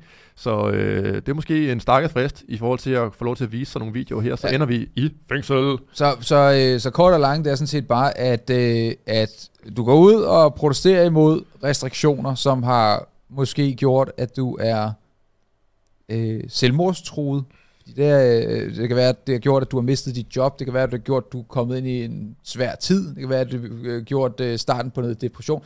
Der er mange ting, som den restriktionsperiode har gjort for folk, som har gjort, at livet er meget sværere, og som gør, at man er utilfreds. Og det kan jeg satme også godt forstå, og det skal folk have lov til at være. De skal have lov til at øh, at sige deres mening, og sige, jeg synes, det er forfærdeligt, og hvis meningen er, at man så går ud og brænder en dukke af Mette Frederiksen til en demonstration, der er jeg er sikker på, at de tre gutter, der har siddet i fængsel, øh, den ene var vist, så vidt jeg lige husker, slet ikke engang associeret med det. Han var bare en af dem, eller han havde vist, det var ikke ham, der havde hængt den op, men det var ham, der havde sat ild til den. Så det var sådan lidt, det er bare, det er nogle fucking demonstranter, som der har vist, hey, jeg synes ikke, det her det er i orden. Og så skal de sidde varetægtsfængslet i fucking lang tid, og de ender med at få nogle vilde fucking øh, sigtelser på Ja, de får jo garanteret også øh, dobbelt op på coronastraf, eller det må vi jo se, hvad domstolen finder frem til, men det er jo ligesom det, jeg er sigtet efter, det er også på dobbelt op, øh, er det 81D eller sådan noget i straffeloven, som de fik indført øh, på allermest drakoniske vis. Så ja, der er en helt klar tendens til, at der er forskel på folk. Hvis man vil have mere stat, som de her klimaaktivister jo gerne vil, så er tendensen, synes jeg, at man øh, tager lidt blødere på dem, men hvis man vil have mindre, for eksempel hvis man, øh, det ved jeg ikke, øh, nu tager jeg bare endnu et eksempel fra, øh, fra det personlige, hvis man laver en falsk coronatest med Mette Frederiksens øh, CPR-nummer, noget der ikke forsinker morgentrafikken og spilder tusindvis af menneskers øh, dyrebare tid, så får man sparket sin dør ned, men hvis man laver alt muligt andet, der har med øh, sådan, hey, skal vi ikke have nogle højere skatter og noget mere magt til Mette Frederiksen, så er det som om, at man ser lidt anderledes på det. Det giver ja. også god økonomisk mening i øvrigt. Altså, selvfølgelig gør staten, som den gør. Det er jo sådan, øh, hvis man kender lidt til politisk økonomi. Men, øh, men øh, jeg sad og så nogle af de der clips der, så tænker jeg, jeg kan vide, om det er, fordi de er bange for, at det bliver til sådan noget autonome, jeg var i 69, øh, alle folk skal sidde i sit futtog øh, ned af, af vejen, eller, eller hvad det egentlig er. Og så ved du, hvad jeg også så? Jeg sad, jeg har lavet en TikTok, Altså en profil? Ja, jeg har lavet en TikTok-profil. Og en til video? Min, til min, jeg har lavet fire videoer, fem videoer. Med dig til, selv? Ja, Pokémon-videoer. øh, eventuelt en Pokémon. Øh, og, øh, der er, øh, og der var jeg, så nogle gange så finder jeg mig selv, hvor jeg fandme sidder og scroller på den der øh, uendelighedsvæg øh, øh, væg der. Og så poppede det op, hvor at de står ude foran, og jeg er meget glad for Astens Kirkegård. Jeg synes, det er et af de vigtigste steder, vi har i København, kulturelt, meget vigtigt, når man ser på Christian Gides øh, gamle kort over København, hvor de var begyndt at komme, København var begyndt at rykke derud til, frem til nu. Folk, der ligger begravet derude, vigtige mennesker, også uvigtige mennesker. Men øh, så ser jeg en video, hvor de står, der står nogle øh, gutter ude foran, øh, de står på øh, Nørre, øh, Nørrebrogade, øh, du ved, der er sådan en lang øh, orange væg langs øh, Astens Kirkegård. Og så står de og laver det længste fucking Palæstina-flag overhovedet med graffiti. Og hver eneste gang, at de er færdige med en af de der dåser, så kaster de den over, øh, over, øh, over muren ind på kirkegården. Virkelig? Jeg, Virkelig? Jeg så det der, og så tænkte jeg bare, jeg har aldrig rigtig sat mig ind i Palæstina mod Israel. Jeg har ikke sagt mig særlig meget, fordi at det, det er for langt væk fra mig, og der er mange andre ting, jeg kan sætte mig ind i. Men da jeg så det, så var jeg sådan lidt, der fik jeg en automatisk bias og tænkte, der, ja, det er ikke dem, jeg har lyst til at støtte. Hvis det er dem, der er sådan nogle fucking morons at stå og lave graffiti på et af de mest vigtige kulturafsteder øh, i, i min optik. At man står og laver det der derude, hvor, hvor er det fucking respektløst på en kirkegård, hvor vi har nogle af de vigtigste mennesker begravet. Søren Kirkegaard, øh, Niels Bohr, øh, H.C. Andersen, øh, masser af vigtige mennesker. Du har også været ude til noget arrangement. Hvem var det nu, der var en russisk forfatter? Var det Tolstoy eller Dostojevski? Dostojevski, ja, det er bare et monument. Han var ude at besøge øh, Søren Kierkegaards øh, gravsted, så der er et monument derude til ham. Og, men, men så er det bare det, Fuck, hvor var jeg bare sur, da jeg så det. Jeg var sådan lidt, jeg sad, og jeg så det bare på min fucking lille morskabsmaskine, og så så jeg det og tænkte, fuck, hvor er man dum i hovedet, når man står midt om natten og maler Palæstina, Free Palæstina, og flag, kæmpe lang flag, hele vejen ned langs øh, Nørrebrogade. Jeg tror også, altså uden, nu flyver vi bare ud af en tangent, ja, ja. men uden at tage stilling til øh, konflikten dernede, og jeg synes jo, at øh, de er alle sammen idioter, øh, i større og mindre grad og forskellige grunde, men når man kun ser på de mennesker, der henholdsvis støtter og er imod og sådan noget, så har jeg altså også bare en, en, øh, en aversion imod øh, pro-Palæstina-crowdet. Og det kan godt være, at de har mange pointer og sådan noget, men det, det er bare nogle mennesker, der sådan trækker i min bligalsnor. Det er sådan, åh. Men, øh, ja, men min pointe er egentlig bare, at når jeg ser det, og det samme når jeg ser Animal Rebellion, så tænker jeg, fucking klovne. Altså, hvorfor skal I stå? Jeg, jeg spiser ikke på McDonald's. Jeg har ikke spist kød rigtig mange år men jeg har ingen empati for deres sag. Jeg synes simpelthen, det er for latterligt, at de render rundt og laver graffiti på McDonald's, og at de sætter sig derinde, og de skaber sig som, som, som tumper. Altså, øh, det er prøv at gå ud og, og, og, og, og gøre noget for dig selv. Altså, øh, og ja, dyrevelfærden på McDonald's, den er ikke særlig god. Den er ikke særlig god. Men det er ikke måden at formidle om det. Jeg synes simpelthen, det er øh, helt elendigt. Og når, når, når, når trafikken bliver spadet, jeg tror, vi snakker om det på et tidspunkt, jeg kørte øh, øh, igennem København, og, øh, og, og de havde spærret hele Langborg af. Jeg skulle til Amager. Mm-hmm. Og så sad der nogle af de der, og det var også Animal Rebellion, mener jeg nok. Jo, det tror jeg, det var. Og hvor, Ja. de havde, øh, hvor de havde sat sig fast med sådan noget klatregrej, og hang ud over en af de der skilte, hvor jeg også var... Al, al trafik var nødt til at gå, øh, gå, gå, gå, gå, gå, gå venstre om og ind mod øh, øh, Christiansborg. Og på et tidspunkt, så sidder jeg i den der fucking lange kø i uendelig lang tid, og så er der en, øh, øh, nogle brandbiler, der skal igennem. Og de kunne jo ikke komme igennem. Så, så Har fordi, de ikke nogle store, hårdt pumpede hjul, de kan køre over sådan en veganer med? Nej, men de kunne ikke komme igennem i al den der trafik, der Nå. var nede ved, øh, ved, øh, ved, ved Gamle Strand og, øh, og, Christiansborg. Hvor det er sådan noget, tænk over konsekvensen, mennesker. Så, så det er sådan noget, når jeg ser Animal Rebellion, så har jeg ingen, jeg får ingen sympati for de der sager. Og, og det samme, når jeg ser Free Palestina, de laver graffiti på øh, Astens. Jeg har ingen som helst sympati. Jeg tænker bare, fuck nogle klovne. Så, så det er det, hvad jeg tænker. Og nu tænker jeg, at vi skal hoppe ind i den der test der, fordi at jeg er meget nysgerrig. Licens Lars, Hash Lars, Mm. kriminel Lars, vært på ytringspligt. Hvad du egentlig synes om øh, det øh, forbehold. Og først så tænker jeg selvfølgelig, at vi lige skal sige uh, tusind tak til øh, gode gamle J. Rell, der skriver, hej store Lars og Valør. Skud ud, tak for de 20 Hej, kroner. tak. Øh, så nu, nu ser vi det her, fordi at øh, hver eneste gang, at øh, hver eneste gang, at øh, Danmarks Radio, hver eneste gang, vi skal stemme om noget, eller er andet, der foregår, så, så stemmer vi selvfølgelig, og så ser vi, hvad det er. Hvilken politiker minder vi mest om? Hvilken øh, retning øh, blæser vinden i dag? Og, og, øh, og det er en enig-uenig øh, test. Og jeg tænker faktisk, at vi kunne, være, vi kunne prøve at se, om vi skal kan vi ikke tage den sammen. Vi Det tager, vi vi at tager den sammen, at du kan lave den på din, og jeg kan lave den på min, ikke? Så Ja, kan vi se, sådan- hvor det vi, sådan, vi det øh, hvor vi ender. Skal Danmark kunne deltage i det europæiske samarbejde om sikkerhed og forsvar? Øh, og det kan være, at vi først skal vi lige forklare, hvad det egentlig er, eller skal vi forklare det bagefter? Måske give mening at lave en introduktion til det. Jamen, introducerer du bare? Eller Okay. tænkte, tænkte du, jeg skulle introducere? Det, det ved jeg ikke. Men, okay, meget groft. Øhm, EU er En, en, øh, en frihandelszone. Jeg startede i hvert fald sådan.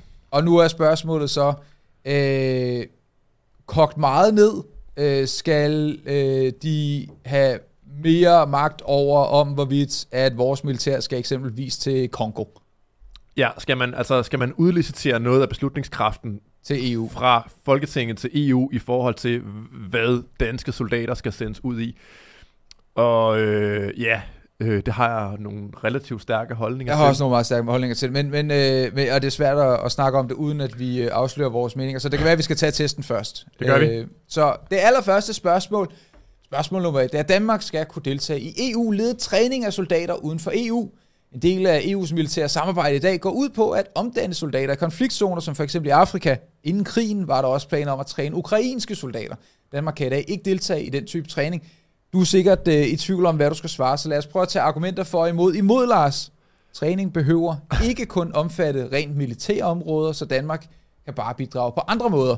Og for, der er lidt flere øh, punkter her, for træning af soldater er et område, hvor Danmark har erfaring, og hvor der som regel er et stort politisk flertal for at hjælpe. Derfor vil det være ærgerligt, hvis forbeholdet forhindrer Danmark i at deltage. Hvad siger du? Skal Danmark kunne deltage i EU-ledet træning af soldater? Det er ligesom, at, EU? at selv imod er sådan en pro-EU. Altså, Ja, det ja, vi skal jo være med på en eller anden måde. Og så, så er det deres imod. Det er sådan, okay, det er eurofile, det er øh, selv jeres, jeres argument imod, der er det egentlig bare et argument for, basalt set. Nå. Mig, så er det sådan lidt, at øh, jeg er øh, uenig i, at, at selvfølgelig skal Danmark kunne deltage, hvis det er det, Danmark vælger at gøre, men overordnet set skal vi blande os fuldstændig udenom. Vi skal have styr på vores eget, vi skal rydde op på vores eget værelse, før vi skal gå ud og rydde op på alle andres værelse. Så jeg er, jeg er altså, hvad uenig. skal man overhovedet svare her? Hvis man siger enig, så er man imod, eller hvad? Så Danmark skal kunne deltage i EU-ledet træning af soldater uden for EU. Det er jeg enig, eller det er jeg uenig i. Jeg er uenig, Danmark skal ikke deltage Nej, det er i. EU-ledet Jeg, er jo mere kompetence man afgiver til EU, jo... Altså, det er ligesom at give fanden en lillefinger, så er det ligesom sådan en flishugger, der trækker den bare mere med ind, og så, så, så, bliver det så mere... der er fire muligheder. Man kan give sad smiley, lidt sad smiley, ha- lidt happy smiley eller meget happy smiley. Jeg giver den meget sad smiley. Det gør jeg også. Spørgsmål 2. Et styrket samarbejde om forsvar i EU vil svække NATO. Og øh, her står der 21 af de 27 EU-lande er også medlem af NATO, mens NATO udelukkende er militært samarbejde, fokuserer EU på missioner uden for EU's eget område, og dækker også samarbejde om udvikling og forskning og infrastruktur.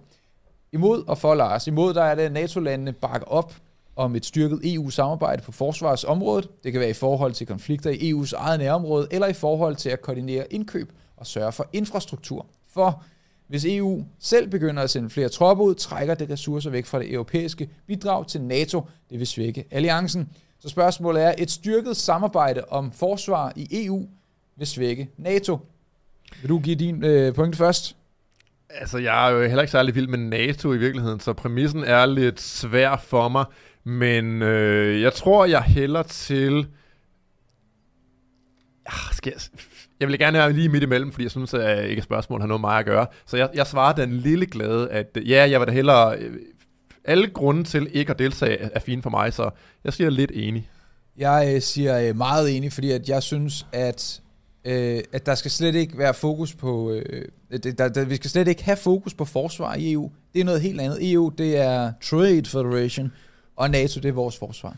Men der er ikke noget så tiltalende Det er to for... forskellige klubber. Ja, ja, ja, ja, man skal ja, også men... holde, holde uh, church and state uh, adskilt. Vi kan, også, vi kan også bare lave en stor sådan uh, uh, biomvarm, men det kommer ikke til at hjælpe på noget. Men der, de er så misundelige dernede i EU på, at de ikke har en væbnet afdeling i virkeligheden, så de vil jo sindssygt gerne råde over øh, bevæbnede mænd, der kan sendes rundt omkring i verden og lave øh, gakkede øh, løjer, der bruger skatteydernes penge og destabilisere alle mulige områder, selvom øh, formålet er det samme. Så magthæver vil bare gerne have magt i virkeligheden. Så det er den vej, det går. Vi fortsætter og øh, kommer til øh, spørgsmål nummer 3 ud af 10. Det er tilstrækkeligt for Danmarks sikkerhed at være medlem af NATO. Og øh, deres forklaring her det er, at NATO med USA i spidsen har siden 1949 været garanten for Vesteuropas sikkerhed. NATO's artikel 5 slår fast, at et angreb på et land er et angreb på alle. Landene har altså forpligtet sig til at komme hinanden til undsætning. EU's forsvarssamarbejde handler ikke om territorial forsvar. Det vil sige eksempelvis med Ukraine, hvor at Ukraine ikke er en del af NATO, men af en eller anden årsag, så har hele verden stadigvæk slået sig sammen og sendt våben og ressourcer og alt muligt, som så er kommet ud på et sort marked bagefter. Men det er... Øh, det var, det var ja, vi skal, nok. Vi skal altså, prøve at lave noget parallelimport af R15 og den slags ting. Prøv at jeg er stensikker på, at der kommer til at være nogle øh, skøre våben 100 procent, fordi det er, det er jo ikke særligt... Det, Polen grænser op til Ukraine. Altså, jeg tænker da på sigt her øh, om et års tid, at jeg vil være den glade ejer af sådan en Javelin øh, anti-tank øh, missilsystem. Det vil da sgu da være fedt at eje. Demonetization uh, complete. For uh, argumenter for og imod er imod Danmarks sikkerhed vil blive styrket ved at deltage i EU's samarbejde på forsvarsområdet, fordi EU fokuserer på missioner uden for EU, der er vigtige for Europas sikkerhed, og fordi det giver mulighed for at deltage i projekter, der kan styrke Danmarks eget forsvar. For Sikkerhedsgaranten fra NATO indebærer, at verdens stærkeste militære alliance vil bakke Danmark op i tilfælde af et angreb. Vores øh, forsvarsforbehold betyder derfor ikke noget i forhold til truslen fra Rusland eller andre det er også sjovt igen, det her i, moden, ja, ja, det, det er det samme. moden er sådan en eurofil ja, ja. ting, der siger, Nå, hvis vi ikke kan være med lige på det her, så skal vi bare være med i alle mulige andre skøre ja, ting. Ja. Øh, og, og det er jo helt idiotisk, at man tænker, at EU skal være en organisation, der vælter rundt i verden med bevæbnede mænd og gør alt muligt. Det har aldrig nogensinde været tænkt sådan. Nej. Det har vel nærmest været tænkt som det modsatte, faktisk, at ideen efter 2. verdenskrig med kul- og stålunionen og alle de der ting, at det var sådan en, øh, en antikrigsforanstaltning, der skulle øh, fokusere på, at man handlede sammen og ikke øh, braget rundt i verden med soldater, men nu er det åbenbart bare blevet til det, som det handlede om ikke at være i starten. Meget, meget mærkeligt. Så spørgsmålet er, at det er tilstrækkeligt for Danmarks sikkerhed at være medlem af NATO? Fuldt ud tilstrækkeligt. Enig? Jeg er, jeg er også fuldt ud tilstrækkeligt. Jeg er enig. Spørgsmål nummer 4. USA og Øh, USA er og bliver Danmarks vigtigste sikkerhedspolitiske partner. Det her, det, jeg synes, det, nu begynder vi faktisk at blive en lille smule, fordi der er fandme mange øh, vinkler på det. Men lad os tage og se, hvad de siger til USA er verdens suverænt største militær magt. Danmarks medlemskab af NATO og den nære alliance med USA har siden 1949 været grundstenen i Danmarks sikkerhedspolitik. Under præsident Trump opstod der usikkerhed om USA's støtte til NATO. Argumenter for og imod imod. Selvom USA er en helt central partner for Danmark, er der opstået usikkerhed om USA's vilje til at forsvare Europa. Desuden bliver en række andre forhold af betydning for Danmarks sikkerhed i forvejen uafgjort i EU. For der står der, at Danmark har haft et nært forhold til USA lige siden 2. verdenskrig, og i, 1900, og i 2003 var Danmark et af de få europæiske lande, der gik med i krigen i Irak. Det er ikke en succes, det var. Desuden hører Grønland til det nordamerikanske kontinent og binder dermed Danmark tættere sammen med USA. Det er fandme en mærkelig årsag. What? Øh, og så jeg, kontinentalpladerne er det sådan... du, du står på, øh, du står på, øh, på øh, lad os sige, på Island, så siger Ah, men halvdelen er Eurasia, og den anden halvdel er øh, Nordamerika. Det, det, det er, det, hvad, hvad skal vi gøre? Hvad skal vi gøre? Det er jo det, det er pladerne under... Øh. Nå, hvad siger vi her? USA er og bliver Danmarks vigtigste sikkerhedspolitiske partner? Ja, det er en sikkerhedspolitisk partner, der spionerer imod alt og alle, og, og hele ideen om, at USA og den amerikanske skatteyder skal forsvare Europa, hvorfor det? Hvorfor i alverden skal de dog øh, involveres i konflikter langt væk hjemmefra? Det er da synd for dem og, og øh, deres ja, deres pengepunkt. Jamen det, det, det var hele præmissen. Det, man jo, det, det ved jeg godt, at det, det er fint. Men altså, NATO kan jo sagtens fungere som princip, uden at USA skal komme løbende med 11 hangarskibsgrupper. Altså, så må øh, landene i Europa jo bare tage sig lidt sammen og forsvare sig selv igennem NATO. Der er ikke nogen, der siger, at NATO skal øh, alle NATO-operationer skal være noget, som USA står fuldstændig i spidsen for. Så jeg vil helt helst lade være med at svare, men øh, ja, jeg giver det en lidt, øh, lidt glad smiley. Vi, vi, vi føles meget ad hen ad vejen nu, det vil jeg sige. Ja, altså, ja. Øh, det er vi ikke, vi er ikke super uenige. Her der er det et spørgsmål om, at hvis vi, hvis vi tager udgangspunkt i præmissen, så er jeg jo også, jeg er jo lidt enig i, at det er den vigtigste, fordi det er den vigtigste, vi har lige nu. Ja, fordi de har flest ankerskib.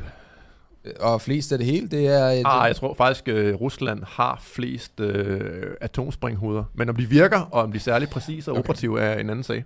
Vi er halvvejs. Spørgsmål 5. Danmark. Skal, og, og i øvrigt så vil jeg sige, jeg håber, at, uh, at, uh, at, at man selvfølgelig, uh, du ved, make your own uh, mind, uh, men tag ud og stem på det her, fordi at, jeg tror, det er en af de ting, som folk vil være mest ligeglade med, men jeg synes, det har en relevans, at man uh, særligt det giver god mening. Så, øh, jeg vil faktisk også sige, at øh, normalt er jeg jo øh, sådan øh, arv, arv modstander af øh, at, at stemme og den slags ting. Men når man kan stemme direkte nej til noget og sige, der, men det vil vi ikke have, øh, så synes jeg, at der er mere grund til at deltage i det her, når man sådan kan sætte en kæp i hjulet ja. for, for nogens øh, magtplaner, så er jeg også mere enig. Men nu bor jeg jo ikke i Danmark, så jeg kan ikke stemme i Danmark. Nej, du bor på Antarktika. Danmark skal have stemmeret inden for EU's forsvarspolitik på lige fod med andre EU-lande. EU's ministerråd består af ministre fra alle 27 EU-lande. På forsvarsområdet er Danmark i dag forhindret i at deltage i afstemninger i ministerrådet, hvis de handler om militære forhold. Uh, vi er blevet lukket ud af klubben. Imod argumenter er, i virkeligheden har Danmark ofte kun sidde, øh, har ofte kun sidde med til bordet, men eftersom Danmark ikke skal være med i EU's forsvarssamarbejde, skal vi heller ikke have stemmeret. For beslutninger i EU om militære operationer kræver enstemmighed. Stemmeret på forsvarsområdet vil give Danmark mere indflydelse, da vi på den kan vi så lige tage bagefter, mere indflydelse. Da vi både øh, kan øh, bestemme, om vi vil deltage i konkrete missioner, og har vetoret, og dermed kan blokere okay. EU i at igangsætte nye operationer. Okay, vi skal bare lige have stemt, have stemt her, så skal vi snakke om den her for. Okay, øh, nej, vi skal overhovedet ikke have nogen stemmeret dernede. Nej, vi skal Bang. ikke. Men, hvad, siger, men hvad, øh, skal, skal vi lige tage den her? Fordi at jeg vil jo sige, øh, bare lige, altså ja, jeg siger også uh, helt uenig, men... Øh, Nej, okay, vi tager det bagefter, det er fint. Jeg vil godt, jeg vil godt lige uh, tage deres for øh, det her med, at øh, når ja, man kan også stemme imod at øh, lave militære operationer, men hvis man bare kender en lille bit smule til moderne politikere og deres villighed til at drage på eventyr i, i sandede lande langt væk fra øh, egne landes grænser, så ved vi jo nærmest med fuldstændig sikkerhed, at de her mennesker aldrig nogensinde vil stemme nej til at tage på militær eventyr, hvor øh, danske drenge kan få sprængt arme og ben af i et eller andet sindssygt land, øh, lad os sige Somalia, øh, fordi jeg faktisk jeg sad og så Black Hawk Down her den anden dag, og jeg sad under... Øh, den bliver snakket om hele tiden. Jeg var ude og spise mad med to kammerater i, øh, i, i går, snakkede vi også om Black Hawk Down. Det er åbenbart så meget en kult klassiker. Det er, det er en at, rigtig fed øh, krigsfilm, og jeg sad, altså det, det er fede øh, kampscener, og det er, det er meget fedt det hele. Jeg sad bare og tænkte under hele filmen, hvad i alverden laver de her amerikanere i det her gudsforladte afrikanske land? Øh, de skulle bare være blevet væk i den grad, men man kan jo ikke holde sig væk, når øh, de store våbenproducenter, de står og ånder en, øh, den politiske klasse i nakken for at sige, hey, skal vi ikke krig, fordi så kan vi få nogle penge, og så kan vi øh, hjælpe jer med jeres valgkampagner, og, og så kan I få et, øh, et fedt lobbyistjob i våbenindustrien bagefter. host, øh, Anders Fogh Rasmussen, øh, host. Øh, det er en uheldig alliance, og de her mennesker kommer aldrig til at blokere for at igangsætte nye operationer det ved vi næsten med sikkerhed. De har deres fede, øh, griske fingre øh, direkte placeret over, ja, vi skal have mere krig, knappen i, øh, i, øh, i de her afstemninger. Så det kan vi ikke stole på, at det nogensinde vil gøre, så det skal vi være langt væk fra det her. Inden vi går videre til spørgsmål 6, så kan vi lige tage en øh, kommentar, jeg kan se i chatten, hvor et øh, prod by Irish skriver, jeres merch er on point, gutter. Snuppede en t-shirt i sidste uge. Jeg kan også se, at øh, Pilash Multebag skriver, sidder her i min tankekriminel t-shirt. Hey, skud ud til ytringsblik.com, der kan, man, der kan man købe merch. Godt. Spørgsmål nummer 6. Danmark skal kunne deltage fuldt Danmark skal kunne deltage fuldt ud i EU's militære operationer. Jeg siger, skal vi tage, vi tager lige for imod, bare for... Øh, Se, hvad de skriver. For, ja, for, øh, for contentens skyld, så folk ved, hvad, hvordan Danmarks Radio håndterer det her. Øh, der står her, hvis EU-landene enes om at udføre en militær operation, bestemmer landene selv, om de vil bidrage. Men Danmark kan ikke deltage, så længe der er et forsvarsforbehold. Skønt. Øh, det er jo så virkeligheden. Hvad læste du? Nå, okay. Den ja, ja. Øh, så imod Danmark bidrager allerede til internationale operationer i NATO-regi, og sender selv styrker til mange af de steder, hvor EU har operationer. Danmark kan også deltage i civile missioner inden for EU-samarbejdet, for EU's militære øh, missioner bidrager til at skabe fred og stabilitet i eksempelvis EU's nærområder. Gør de ej. Derfor giver det mening, at Danmark deltager i dem. Der øh, siger jeg, øh, Danmark skal kunne deltage fuldt ud i EU's militære operationer. Nej tak. Nej, Stort tak. nej tak. Vi skal kunne deltage i forsvaret af Danmark. Ja. Og, øh, og det er sådan set det, og hvis EU's grænser skal forsvares, så må det ske gennem NATO. Ja. EU-landene skal styrke samarbejdet om forsvar. Det er spørgsmål 7. Vi nærmer os, folkens. Vi nærmer os. EU-samarbejdet om forsvar har gennem mange år udviklet sig langsomt. Det er i dag en ambition i EU, at medlemslandene skal blive bedre til blandt andet at indkøbe udstyr sammen. Det, det, er, det er en anden måde at skrive på, at det, de skal blive bedre til at berige våbenindustrien øh, hurtigere. Ja. Imod, det er NATO, og ikke øh, Europa. EU, der er garant for Europas sikkerhed. Derfor er det ikke nødvendigt med et stærkere forsvarssamarbejde i EU. For et styrket samarbejde om forsvar på EU-plan er med til at styrke sammenholdet i Europa på et tidspunkt, hvor Rusland, uh, den store stykke ulv, og andre forsøger at splitte Europa og håber at svække det. Skal lige siges, at øh, forsøger at splitte Europa. Hvor forsøger de at splitte? Altså, hvad, hvad er det specifikt, de splitter Europa med lige nu? Altså, jeg er totalt meget på den båd, der hedder, at Rusland er bad guys lige nu. De gør nogle dårlige ting. Eller Kreml, Kremlin, øh, Putin er bad guys. Jeg er sikker på, at mange af de soldater derude, de har nok ikke særlig meget lyst til at stå på jorden. Men så, det er en anden snak. Hvor, hvor øh, er Rusland ved at splitte EU? Øh, ja, men det er jo bare øh, en dagsorden, som man forsøger at pushe, og det er jo også meget sigende, at hele det her afstemningsværk og den her test, og det vi sidder og snakker om det nu, den sker lige oven på den der Ukraine-konflikt. Øhm, øh, det er lidt ligesom at spørge, når men, øh, huset brænder, skal vi ikke tegne en brandforsikring?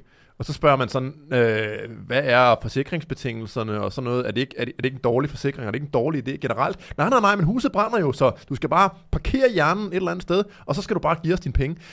Det, det er altså også øh, nedrigt på en måde at lave den her kampagne, mens folk er bange for den store stykke bjørn. Altså, man, man prøver at skræmme folk ind i at give Ursula von der Leyen, altså hende der, den, den hæslige... Ursula! Ja, den, den hæslige, hæslige, øh, hekseagtige person nede i EU, give hende et... Øh, et militær, og det, det, det er bare en dårlig idé på alle ledere kanter, medmindre man er øh, våbenproducent og lever af øh, skatteydernes penge på sådan en parasitær måde. Så spørgsmålet er, at EU-landene skal styrke samarbejdet om forsvar. Uh. Jeg siger stor uenig. Det er ja. ikke EU's øh, opgave at skulle gøre det. Indtil videre har vi kun været uenige sådan lidt, hvordan vi skulle frame præmissen, og hvor, hvor langt til den ene side vi skulle stemme eller ej. Men vi har været meget på samme øh, side, det må man sige. Danmark skal forlade EU. Ja, ja det, det, øh, der, der vil jeg sige, der er flere ting i det, så den, det kunne vi lave et helt afsnit omkring, hvad der er af konsekvenser i forhold til, hvis man forlod EU.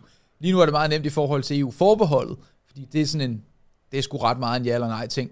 Men i forhold til EU, der er der altså også nogle konsekvenser i forhold til, hvordan priserne kommer til at være, hvordan en masse forskellige ting. Men lad os lige prøve at tage, hvad, hvad Danmarks Radio konkluderer, at øh, er for imod her.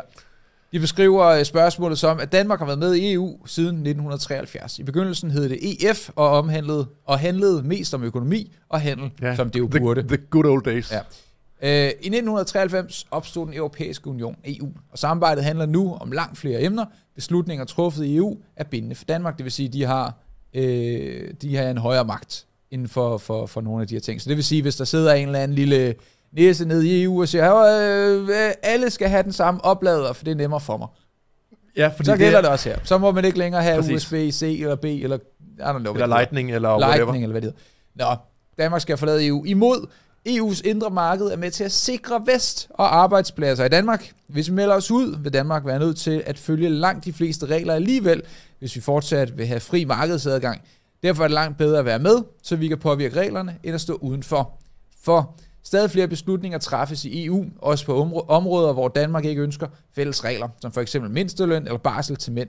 Ved at, e- forlade EU og indgå konkrete aftaler om samarbejde samt som Norge eller Storbritannien, kunne Danmark få større selvbestemmelse. Det er faktisk en relativt lojal øh, forside her, der sådan øh, på nogle måder øh, gengiver øh, fornuftige holdninger for øh, forladet EU-siden. Det må virkelig have gjort ondt på de journalist, øh, journalister, der har lavet den her, og skrive det her, fordi jeg er sikker på, at der ikke er særlig mange hos DR, der synes, at... Øh, at øh, mindre centralisme er en god idé. De er så eurofile alle sammen. Her der, øh, der er jeg, øh, spørgsmålet er, at Danmark skal forlade EU. Jeg er ikke fuldt ud enig, fordi, at for, fordi Enig. processen i, hvordan at i, Danmark skulle forlade EU, kan have rigtig store konsekvenser. Så for mig at se, så vil det være mere, at, med, at EU skulle øh, øh, reformeres, eller genopbygges, eller etableres, hvor man ligesom sætter et punktum, og så siger, Det er jo det er en handelsunion, og vi sørger for, at øh, i forhold... Øh, momsregler, der er en masse forskellige ting. Og så det, man det siger, vil jo "Øh, vi betyde, bare at man moms. frivilligt skal have den øh, herskende klasse, øh, den parasitære klasse nede i EU til at afgive magt. Det kommer aldrig til at ske. Jeg kan godt forstå Ja, din, godt, godt. jeg kan godt forstå din. Øh, Men vi gik jo fra EF til EU, så der er jo, øh, der har jo været et tidspunkt, hvor jamen, man... det er jo også mere magt. Det er jo, det er jo, det er jo gå fra mindre, øh, det er jo bare, der handler det bare om Men der var øh, også nogle ting om, at EF ikke fungerede jo. Altså, og man så tænkte, at EU kunne komme til at fungere. Ja, man har altid sådan nogle utopiske drømme om, at øh, der kommer grillkyllinger flyvende ind i vores mund, når vi er sultne og sådan noget. Det kommer aldrig til at lykkes. Øhm, så jeg vil da helt sikkert sige, at vi skulle forlade EU, og, og den her, øhm, det her argument med, altså et ret besnærende argument med, at jamen, vi har jo frihandel i EU, og, og så får vi 12, og så får vi det ene og det andet. Det, frihandel er jo udgangspunktet sådan set. Man skal jo gøre noget aktivt for ikke at have frihandel. Frihandel er sådan set bare, at man siger, okay, nu fjerner jeg min, min store fede tyvagtige hænder på øh, import og eksport fra andre lande, så er der sådan set frihandel. Hvis politikerne bare kunne finde ud af det, så var der frihandel. Det, det, det er nemt, det er super nemt at have frihandel, men det er som om, man skal have en eller anden kæmpe stor politisk konstruktion, før at man kan opnå det, at man ikke øh, stjæler fra folk, der vil handle med hinanden. Altså, det er ligesom at sige, hej, men altså, vi har jo den her store voldtægtsfri zone, og hvis vi forlader den voldtægtsfri zone og union, så bliver der bare så mange voldtægter. Det er bare sådan, øh, nej, man skal bare lade være med at gøre den slags grimme ting mod hinanden. Som, Jeg, jeg, jeg som tror, er jeg, tolv og skat, øh, og, og, og tolvkontrol ved grænserne. D- Lad dog være for fanden. Altså, øh, man kunne da godt i Danmark, uden for EU, sige, i kan importere lige, hvad fanden I vil fra øh, EU-landene, uden at vi pålægger det nogen som helst former for 12. Øh, glimrende. Øh, så at sige, at det er EU's skyld, at vi har frihandel, nej, det er det altså ikke. Øh, frihandel burde være udgangspunktet, ikke noget, som vi skal takke øh, politikerne for. Okay, for mig at se, så er det et spørgsmål om, at EU skal være en handelsunion, som er meget lille. Det vil sige, det er øh, få mennesker, der sidder og så siger, hov, det var vel nok herligt, vi alle sammen er enige i, at her der er der øh, ikke moms frem og tilbage, og der er nogle forskellige ting, som, øh, som kan være fordelagtigt. Men det skal, vi kan komme med en konklusion bagefter. Danmark skal forlade EU. Jeg er øh, lettere enig, men jeg er ikke fuldt ud enig. Okay. Så står der her. Spørgsmål 9. Vi er der næsten, folkens. Det er forkert at udskrive folkeafstemning om forsvarsforbeholdet midt i en krig i Ukraine. Forsvarsforbeholdet opstod i 1993, efter at danskerne havde stemt nej til at ændre EF til EU og udvide samarbejdet. Som et kompromis foreslog et flertal i Folketinget, at Danmark indgik med, at Danmark gik med i unionen med fire forbehold, sådan at Danmark står uden for den fælles valuta, retslig samarbejde, forsvar og fælles union borgerskab. Imod forsvarsforbeholdet blev indført i 1993 og har fungeret lige siden. Verden har øh, ændret sig på mange måder, senest med krigen i Ukraine. Ikke fordi verden har ændret sig forfærdeligt meget på grund af den krig, men jeg, og jeg tror seriøst, at vi kommer til at tænke på, tilbage på det som et blip. Altså, det var ikke, jeg tror ikke, at det er noget, der... Vi tænker, vi vil tænke tilbage på det som... Hvor, okay, Afghanistan var i 20 år. Hvor meget tænker man tilbage på Afghanistan? Ja, det er glemt om, at det er ikke glemt, eller det er det nok i virkeligheden øh, mere og mere, men ja, ja, ting, der kommer til at ligge i fortiden, bliver mere og mere glemt. Og det her, det er jo som om, at øh, altså, man har altid en tendens til, at, at som nutid, at tænke på, at vi står midt i den aller, aller værste krise i hele verden, og historien ender her, og vi, altså sådan noget, det er sådan, nej, nah, ro på, altså, ja. ting har været vildere. Derfor er det helt rimeligt at give danskerne mulighed for at tage stilling til forbeholdet, for debatten om forsvarsforbeholdet har kørt i overvis, og indtil for nylig til regeringen, at forbeholdet slet ikke gav, mening, øh, slet ikke gav problemer i praksis. Derfor er det øh, forkert, at regeringen nu bruger krigen i Ukraine som, på, øh, som påskud for at fjerne forbeholdet. Øh, Også så, en god lojal øh, for øh, et for-indlæg her, synes så jeg. Så spørgsmålet er, er det forkert at udskrive folkeafstemning om, for, øh, om øh, forsvarsforbeholdet midt i en krig i Ukraine? Jeg vil sige, at jeg er lettere enig, men jeg synes, det er jeg har det sådan lidt, jeg synes, det er fint, at der kommer noget mere direkte ja-nej spørgsmål. Øh, og derfor så er det også sådan lidt, hellere det, end at de bare træffer en beslutning. Ja, ja men de, tra- de vil jo gerne, de, de vil gerne udnytte øh, den krise, der sker i Tidspunktet for, Ukraine, hvornår man øh, er jo meget, meget sigende her. Altså det vil, hvad kunne vi ellers sammenligne det som? Altså, øh, Kom med en analogi. Nu kommer der ikke noget. Ja, øh, nej, præcis. øh, det, det er som, hvis der er et eller andet øh, stort problem, og så skal man sådan i kampens hede, uden at sove på det og, og gruble lidt over det, så skal man, skal man bare tage stilling nu og her. Og det er sådan ret tit med store øh, spørgsmål. Det er, man træffer ikke så gode beslutninger lige når man står midt i det. Man skal have sådan lidt kølig afstand og sige, Åh, hvad er op og ned, og hvad får imod. Ikke mens man lige... Altså ligesom at være op og skændes med kæresten eller sådan noget, ikke? Altså, åh, nu, nu, nu går jeg fra dig. Det var sådan, ah, øh, ro på. Øh, vent lige til i morgen eller overmorgen med at træffe den beslutning. Ja, så jeg, jeg siger, at jeg er lettere enig i, at det er forkert at øh, udskrive folkeafstemning om øh, forsvarsforbeholdet midt i en krig i Ukraine, men du er meget enig. Jeg er helt enig. Ja. Så er vi på det sidste spørgsmål. Vi er ved at være ved et øh, land fyldt med mælk og honning, og det er altså spørgsmål 10. Ved at afskrive forsvarsforbeholdet sender Danmark et tydeligt signal om, at EU står sammen. Danmark er i dag, og det er jo hele handler om solidaritet og, øh, og, og, og, og kollektivisme og sådan noget. Danmark er i dag det eneste af de 27 lande, der ikke deltager i EU's militære samarbejde. Godt. Ej, det er ligesom at være øh, den ene i klassen, som der ikke, øh, som ikke, øh, som ikke, som ikke, som ikke gik med nøgle, nøglesnor med en nøgle i, i 2004. Øh, Danmark er i dag det eneste land, ud af de 27 lande, der ikke deltager i EU's militære samarbejde. Da krigen i Ukraine brød ud, besluttede et flertal i Folketinget at udskrive folkeafstemning om forsvarsforbeholdet. Argumenter for imod. Imod EU's sammenhold bliver hverken værre eller bedre af det danske forsvarsforbehold. I den aktuelle situation er EU-landene enige om sanktioner mod Rusland og om at støtte Ukraine på mange forskellige måder. Det vil sige, at og det, er formodentlig også det, der vil ske i andre situationer, det er, at man snakker sammen, uanset om man er med eller man ikke er med. Mm-hmm. For krigen i Ukraine har vist, sig, uh, har vist, at truslen mod Europa er langt større, end vi troede. Derfor er det uh, Derfor er det både rigtigt og vigtigt at sende et meget klart signal om, hvem Danmark gerne vil være solidarisk med. Okay, Tror du, at der er nogen, der er i tvivl om, hvem Mette Frederiksen og hendes kompaner er solidariske med nu her, eller, eller bare det danske folk, og jeg kan godt forstå, at man er, man er solidarisk med Ukraine og sådan noget. Altså, det, det er sgu da ikke særlig svært at afkode, at selv folk, der er uden for EU og samarbejde, hvad de mener og hvad de ikke mener. Så hvad skal man egentlig svare, hvis man hader EU her? Øh, ved, ved at afskaffe uh, forsvarsforbeholdet sender Danmark et tydeligt signal om, at EU står sammen jeg er uenig. Det handler ikke om, øh, om EU står sammen, at vi ikke er med i den ene klub.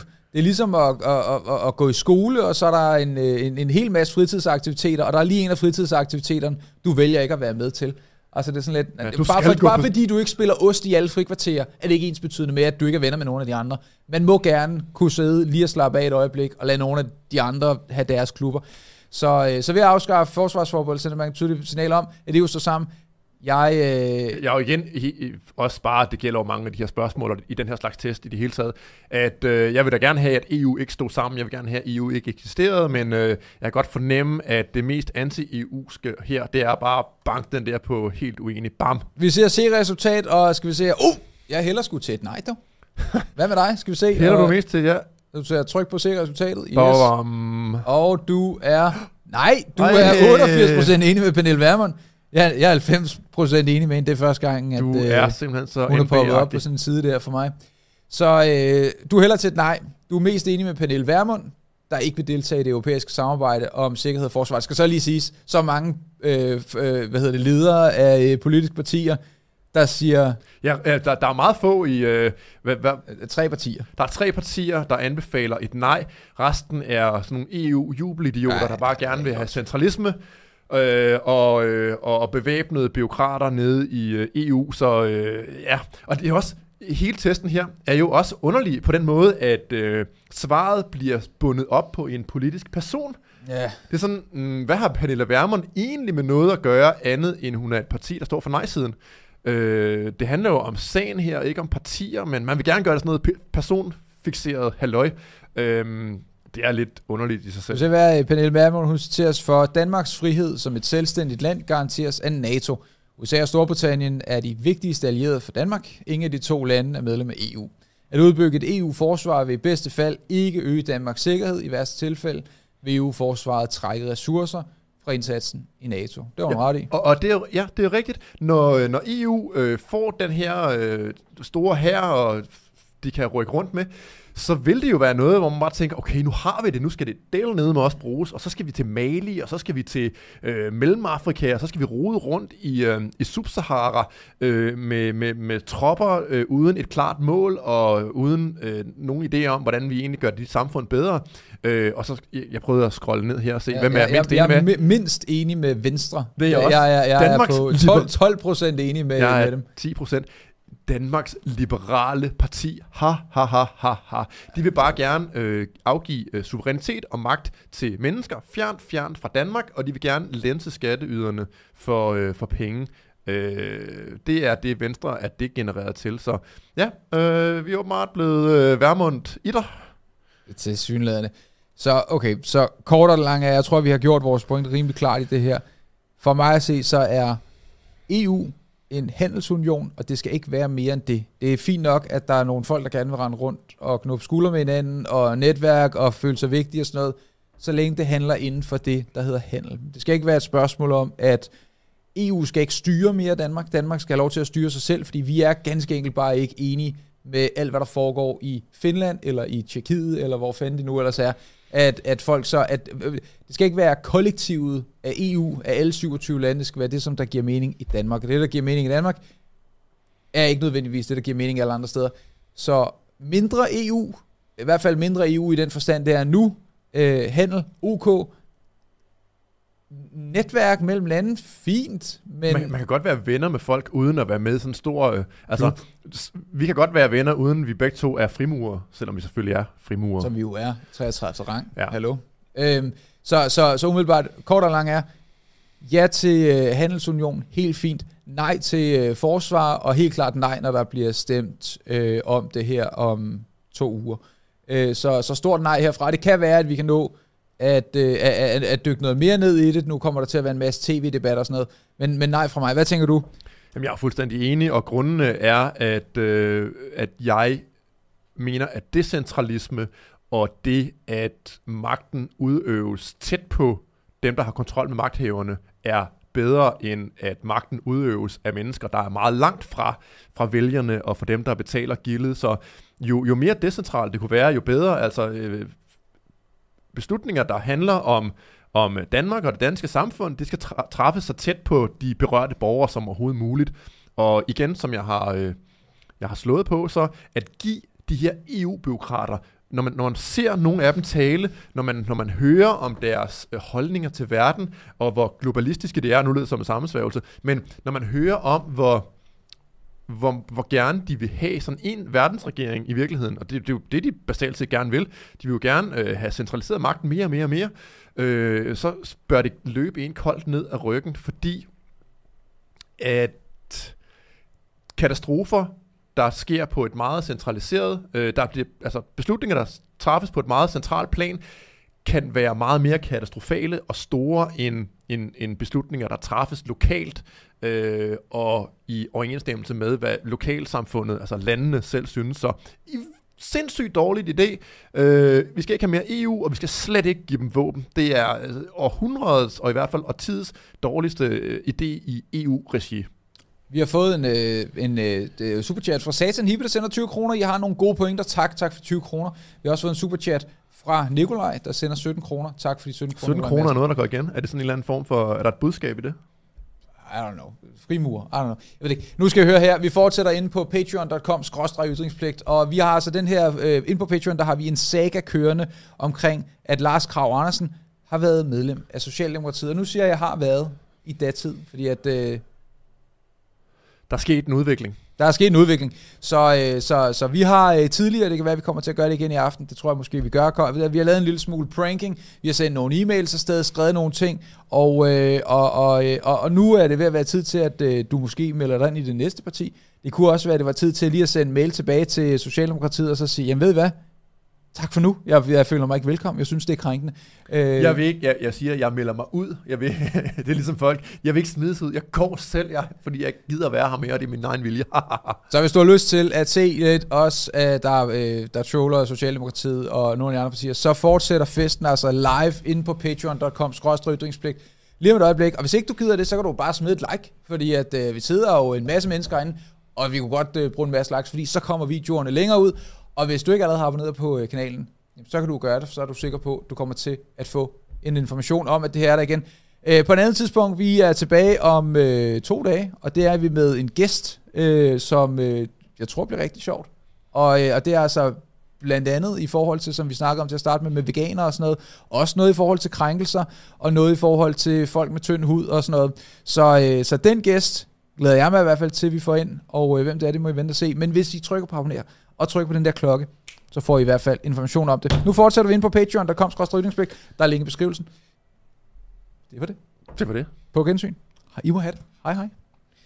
Hej hej, farvel og tak for i dag.